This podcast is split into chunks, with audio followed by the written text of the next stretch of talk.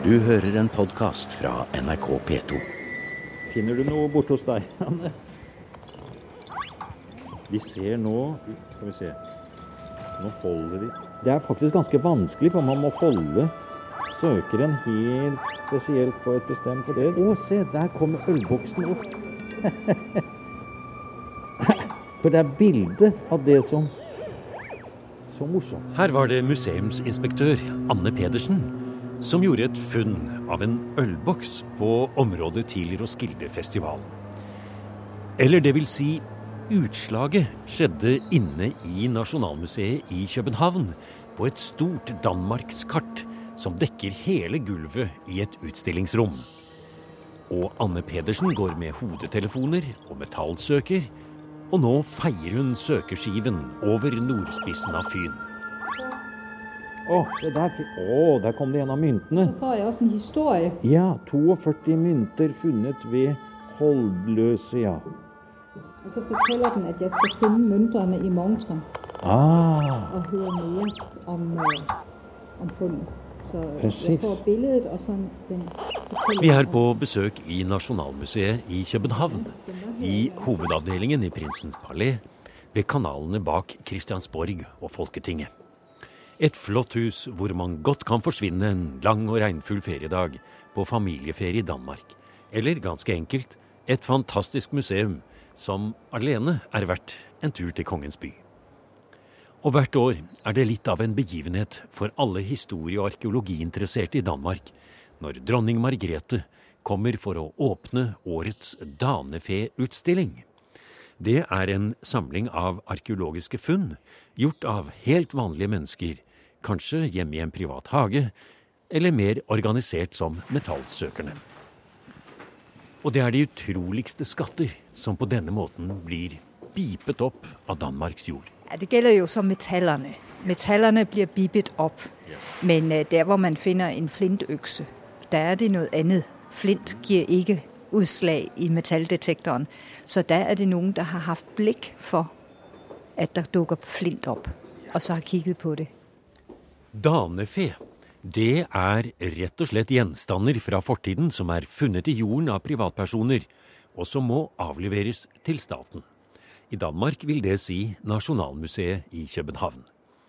Den danske loven om hva som tilfaller kongen av det som graves opp av jorden, går helt tilbake til middelalderen, og omfatter alt av forarbeidet edelt metall, som det heter, og mynter og alt som kan ha en kulturhistorisk verdi. I Norge er alle funn som er fra før reformasjonen automatisk fredet, men i Danmark er denne grensen noe mer flytende og skjønnsmessig, og den går nærmere opp til vår egen tid. Alle som må levere fra seg sine funn, får en kompensasjon, og man kan nesten si at det er blitt en folkesport å gå med metalldetektor i Danmark. Museumsinspektør Anne Pedersen sier at den store mengden av gjenstander som kommer inn på denne måten, er veldig viktig for arkeologene, og at det er et godt forhold mellom metallsøkerne og museene. I, I store trekk vil jeg si det er godt. Det bygger på en gjensidig gensidig respekt mellom folk, og det bygger på en, en høy grad av kontakt.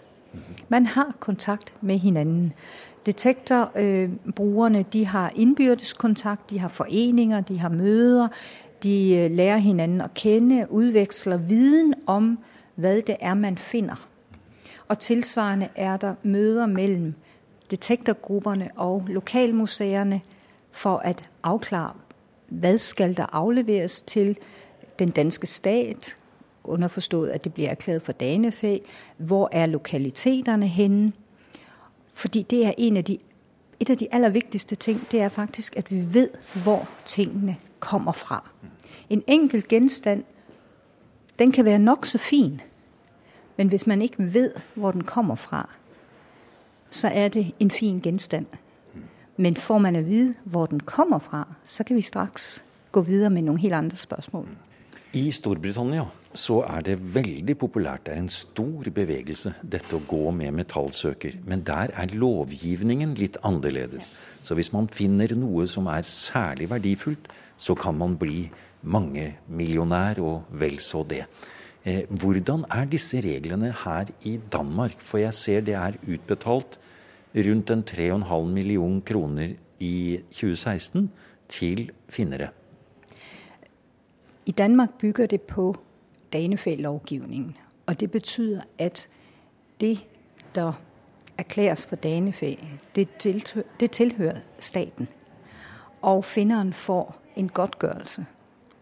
Og godtgørelsen, den baseres på blandt andet øh, metalværdi, kulturhistorisk interesse, den omhu finneren viser. Men netop fordi der ikke er en fri markedsudvikling, så kan man sige, at så kan der være en forskel mellom det finneren kan oppnå i England og det finneren kan oppnå i Danmark.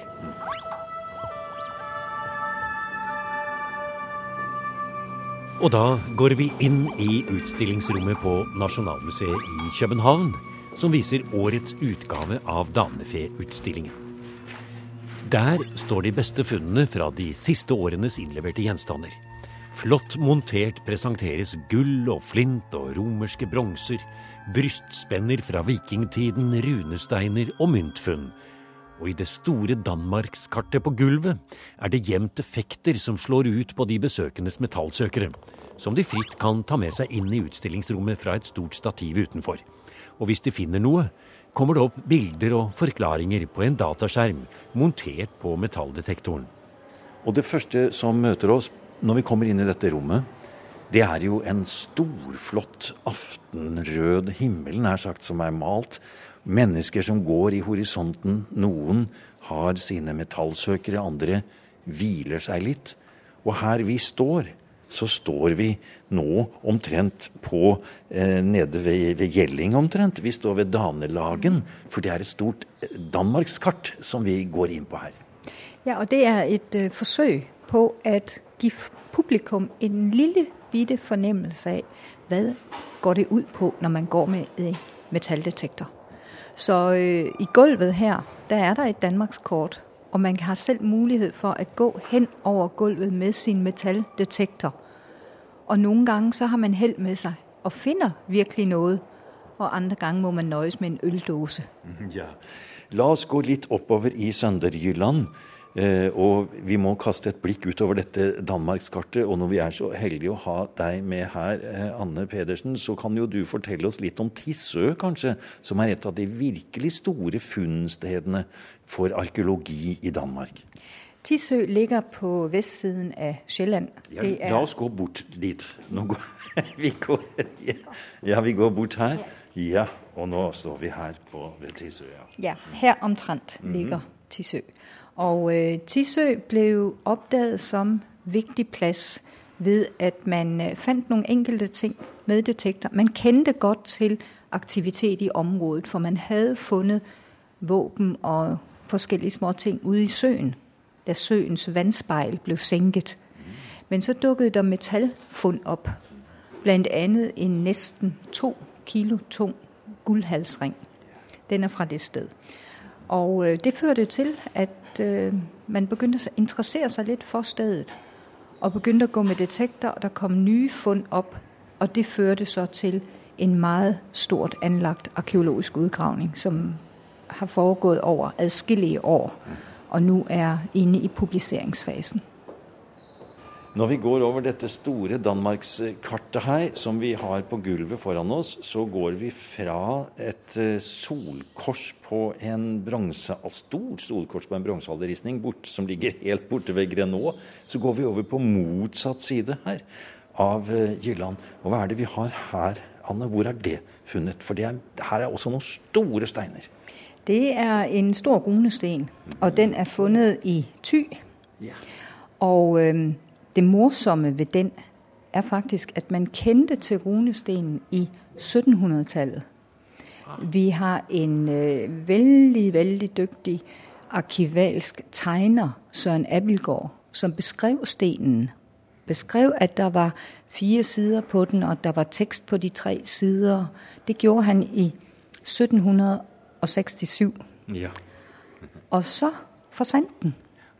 En maler i begynnelsen av 1800-tallet forsøkte å finne frem til den for å få den med i sitt maleri, men der var den borte. Fuldstændig borte. Det var den indtil november 2015, hvor en bonde på sin, eller en gårdejer på sin terrasse havde en flad sten, og man vendte den rundt, og så så man, at der var runer på den. Ah, Og det var den forsvunne runesten. Det var den forsvundne runesten. Så foreløpig har vi funnet tre av stykkerne. Ja. De er blevet, stenen er blevet kløvet, ja, og så øhm, er stenene brukt til noe annet. Og Uff, i det her tilfellet jamen, i terrassen. Ren vandalisme, men allikevel fint at den har kommet til rette. Nå bøyer jeg meg litt ned her og setter meg ved siden av den og lar fingrene løpe over runene. Og de er jo relativt dype. Og har du en oversettelse på dem? Vet du hva som står der, Anne? Har dere, har dere, blitt, har dere gått inn på det? Altså essensen av stenen er, at Troels og Leves sønner satte stenen efter Leve. Så det er essensen av det. Det er en minnesten, ganske kort tekst, hvor øh, dem, der setter stenen, selv, nævner sig selv først. Og så øh, hvem de sætter den for. Hvem Leve var, har vi jo selvfølgelig ingen anelse om. Men øh, den er fra vikingetiden. Å, er den så ung, ja? Jaha, det ser man på type runer, selvfølgelig. Ja, nettopp. Spennende. La oss gå videre oppover i Danmark. Vi nærmer oss nå opp em, til hals her, ser vi på kartet vårt. Her står det to store montere. Og nå kaster vi oss inn i monterne. Og nå vil vi gjerne høre at du forteller oss litt om de forskjellige tingene. Hva er din nær sagt favoritt her? Må vi kanskje til den andre monteren, da? Ja, både og. Både og, fordi jeg arbeider med det, der er i denne her montre. Og øh, nå talte vi om runestenen, og øh, det er min kollega Lisbeth Imer, der arbeider med runeindskrifterne. Og en av mine favoritter er måske nok de runeindskrifter, hun har. Der ligger noen ganske små stykker bly, Ja. og de bly, det er sånne små firkantede flade stykker, som er blevet foldet sammen til ganske små pakker på sånn en to gange to centimeter man kunne ha i lommen, eller hvor man nu ville ha dem hensydd inn i tøyet. Men øh, det er beskyttende amuletter. De skulle verve en for sygdom og onde mennesker og alskens forfærdelige ting i denne tilværelse.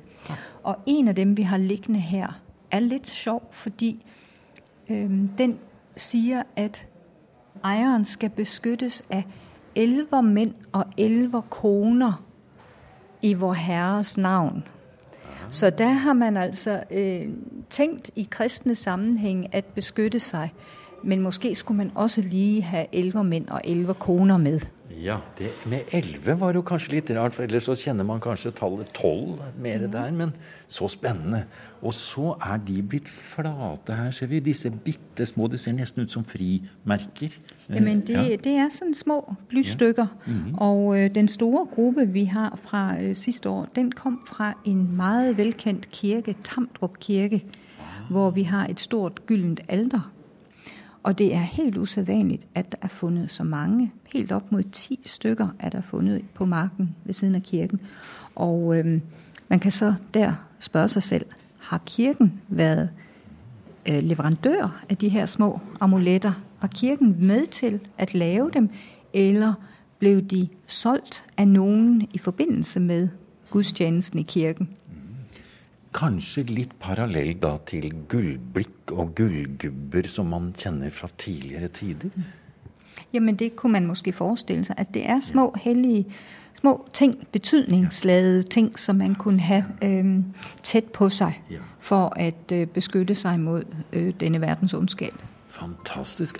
Har man noe lignende fra tidligere her på museet? Vi har nogle enkelte, men der er ingen tvivl om, at med detektorbroen detektorbrugen, så er tallet vokset veldig.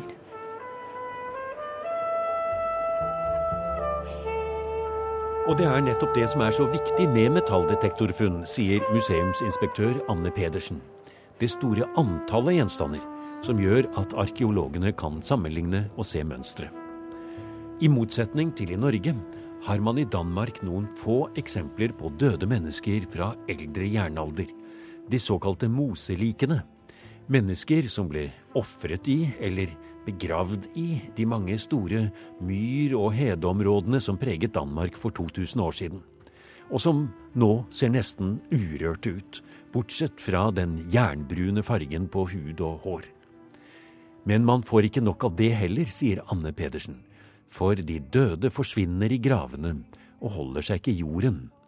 Som det meste av alt annet organisk materiale som ligger nedgravd lenge nok. I årets danefe-utstilling er det derfor stor interesse knyttet til et veldig godt bevart kranie. Det er fra en åtte år gammel pike som sank ned i en myr en gang rundt de første århundrene av vår tidsregning. Kraniet hadde vært oppbevart hjemme på peishyllen hos noen privatmennesker i mer enn 50 år, men så ble det altså levert inn som danefe. Og nå ser vi det leddbelyste kraniet på toppen av en glassmonter, som også har en stor vikingskatt av gull, fantastiske flintøkser og et intakt seletøy fra en av bronsealderens prosesjonsvogner, slik vi ser dem på helleristningene. Hele Danmarks oldtidshistorie i ett åndedrag. Og øh, kraniet er meget velbevaret, og vi kan se, eller rettere, vi kan nettopp ikke se på kraniet, hva død, dødsårsagen er. Så der må jo noget mere til. Måske øh, var hun såret, eller måske blev hun slået ihjel øh, som en offring i mosen, eller lagt ud i mosen som en offring. Det kan vi faktisk ikke afgøre ud fra kraniet på nuværende tidspunkt. Men ved siden av kraniet, der ligger det altså noen helt utrolig flotte flintøkser. Og se på den ene øksen der, Anne. Den er jo Wow, hvor lang kan den være? Den må jo være, som dere sier, halv 30 cm, 50 cm minst, kanskje mer. Jeg tror en halv centimeter mere. Jaha. Men ellers, øh, ja, det er to flintøkser, og de er funnet i et område, hvor der er flintminer, så der har der vært adgang til god flint. Men du ser den er slipt, den er flott overflate, og den er veldig bred, den er veldig lang. Altså, det er i hvert fall den største flintøks jeg noen gang har sett. Jamen, jeg tror også, det er den største, vi har overhovedet. Så det er slett ikke forkert å si at det er en, en stor flintøkse, fordi vi har ikke noen der er større. Der var øh, for noen år siden så en, en flintøkse på noen og 40 Ja. centimeter, som galt som den største, men nå er den altså Nå er den overgået. slått med 10 cm. Og man lurer nesten på om den er for stor til å kunne vært brukt til noe. Men Men øh, selve det, at man har funnet to så store og så fine økser ved siden av hinanden, kunne tyde på, at det er måske netop ikke arbeidsøkser, det er offerøkser. Og øh, man ser flere eksempler på, at lange, meget fint udførte økseblade er blevet offret. Så det vil jeg næsten tro, at det er. Og jeg må jo si at dette årets Danefee-utstilling, som vi er her og besøker nå, et par dager etter at eh, dronning Margrethe har vært her og åpnet, de innehold, den inneholder altså noen helt fantastiske gjenstander. For se bare da etasjen under her, så ligger det jo en kjempestor gullskatt, intet mindre. Ja, det er også et av de rigtig, rigtig gode fund. Ja. Og øhm, det er en, en stor guldskat. I første omgang så kom øh, armringene op, og man kan se, at armringene er litt lidt krøllet sammen, lidt beskadiget, men de er forskellige typer. De fleste er guld, og så en enkelt armring af sølv. Og det pudsige er, at de kom på en mark, hvor der allerede i 1911 var fundet en lille øh, spinkel guldkæde med to dyrehoveder i begge ender, øh, som giver en datering til 900-tallet. Og det, der så kom efterfølgende, det var små vedhæng med små halvedelsten i, perler, og øh, så et øh, rundt spænde, hvorfra der henger fire ja. kæder med, små med Og små står vi og ser på her nå, like ved oss her innenfor glasset. Og det er så flott. Vi ser det, det, det, det, det lyser i gullet, og det er en siselering og en ornamentikk da, som er helt utrolig. Og ut fra det så henger disse kjedene, de er laget av små ringer, som er altså da bundet sammen som et kjede. Og ved enden av disse ringene så ser det ut til å være et slags keltisk motiv i en form for eh, ornamentikk der. Utrolig flott. Ja, det er, det er eksepsjonelt, kan man si, at der kommer så mye sammen. Og øh, det, der så er det neste skridt, det er jo å prøve å se, om vi kan nærme oss en tolkning av fundet. For, det, for dette er vel en stor gullskatt, siden den er funnet på ett og samme sted? For den er jo nesten 1,5 kilo. Ja, det er, det er et stort fund. Det er et stort fund, og meget tyder på, at det er et samlet fund. Hvor ble dette funnet? Det ble funnet ved øh, en lokalitet, der hedder Fæsted i Sønderjylland. Så det er også litt interessant, fordi det ligger sånn ikke tæt på de store steder, som man regner med er kongsgårde eller Stormannsgård. Så øh, Men på en reiserute ligger det jo på så vidt, altså sydover eller nordover, da. jo, jo, jo. Altså det kan det jo sagtens, altså på, på tæt. Ikke så langt fra de store ruter op igennem Danmark. Ja. Men øh, spørgsmålet er, om, om det er en familie, der har gemt det væk, eller det tværtimod er dem, der tog det fra noen andre, det, Det gemte kan det væk. være en, en ran, et ransutbytte, ja. Vi har jo også skjaldekvadene å holde oss til her. Og øh, skjaldekvadene, de gir jo litt et inntrykk av at øh, man var heldig, hvis man modtog en guldring fra den, der stod over i en. Et av versene i skjaldekvadene forteller netop, at på guldringene, de har om armen, ser man, at de er venner av kongen. Ja, nettopp. Fantastisk. Jeg blir helt oppslukt av å gå rundt denne fantastiske monteren. Og vi har nå snakket om bare noen få av disse tingene. Og vi må også, før vi går bort til et stort myntfunn fra Ærø, så ser jeg det ligger nederst her, så ligger det først et langt, stort eh, sverd. Eh, Og så ligger det en flott samling av mye, mye mindre eh, flintøkser. Og, de er, og det er også dolker der, eh, flintdolker. Eh, og det er jo i en størrelse og en fasong som kanskje er noe mer eh, kjent. Det er kjente, kjente flintøkser, men igjen, det der, at, at tingene er funnet sammen, gør, at at det heves op. At, øh, man har en, en, en tilknytning her til øh, en, et samlet fund, en samlet nedleggelse, enten et depot, eller at tingene er bundet sammen. Og det er jo igen så et flintfund, og ikke et detektorfund. Nei, Så der har man ikke gjort det med detektor. Og her ligger det noe som ser romersk ut, nesten. Altså er det deler til en, en, en militærutrustning vi ser her oppe i en, i et eh, keramikkar her? Ja, man skulle tro, at det var romersk. Man får den tanke, at det kunne være romersk. Men det, der ligger øverst, det er faktisk en edsring fra bronzealderen. Så dette er et stort fund og et litt merkelig fund, fordi der utover øh, edsringen av guld ligger en hel masse bronze, som har hørt til utstyret til et tospand. Altså to heste, som har haft alt det her på. Det er seletøy, som vi Det er sier i Norge. seletøysbeslag. og det, der er kommet med i montren, det er bronzedelene og lerkaret de lå i. Men fordi det hele var så tæt pakket sammen, og fordi der var bronze, så har det vist seg at alle læderremmene, de er også bevaret. Der ligger omkring noen meter læderremme fra seletøjet, jo som man nå skal i gang med at undersøge. det er sjeldent. Det er meget sjældent. Ja. Og det, tror jeg slet ikke, vi har nogen rigtige paralleller til. Men, men det gør, at man nu kan gøre sig nogle forsøg på at rekonstruere, hvordan et bronzealder tospand øh, så ud. At her får vi noget metal, som kan knytte sig til nogle af de vogne, vi ser på helleristningerne. At man binder tingene fra bronzealderen sammen. Fordi hvordan ser en bronzealdervogn ud? Det ved vi ikke så meget om. Men nu kan vi med det her fund måske sige noget om, hvordan hestens ud- udrustning så ud. I Danmark har det vært en kolossal økning av innleverte gjenstander det siste året. Det er registrert 2000 enkeltsaker på de lokale museene rundt om i landet. Og til sammen 17 000 gjenstander er levert inn. Det er en dobling i 2016 mot året før.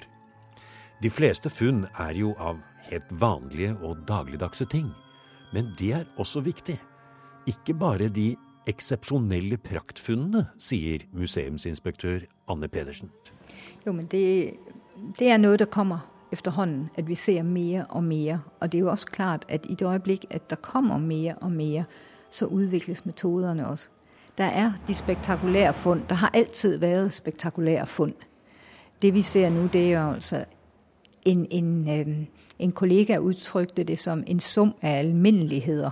Men nettopp i summen av det alminnelige får man jo også en meget klar innsikt i fortidens levevilkår, i det øh, materielle gods folk hadde. Og øh, ja, altså de ting, man omgav seg med, de kommer meget tydelig til uttrykk nu. Og vi får mulighed for at stille nogle nye spørsmål til fortiden, og via detektorfundene måske også få nogle nye svar på nogle af de spørsmål, vi har. Du har nå hørt en podkast av programmet Museum fra NRK P2.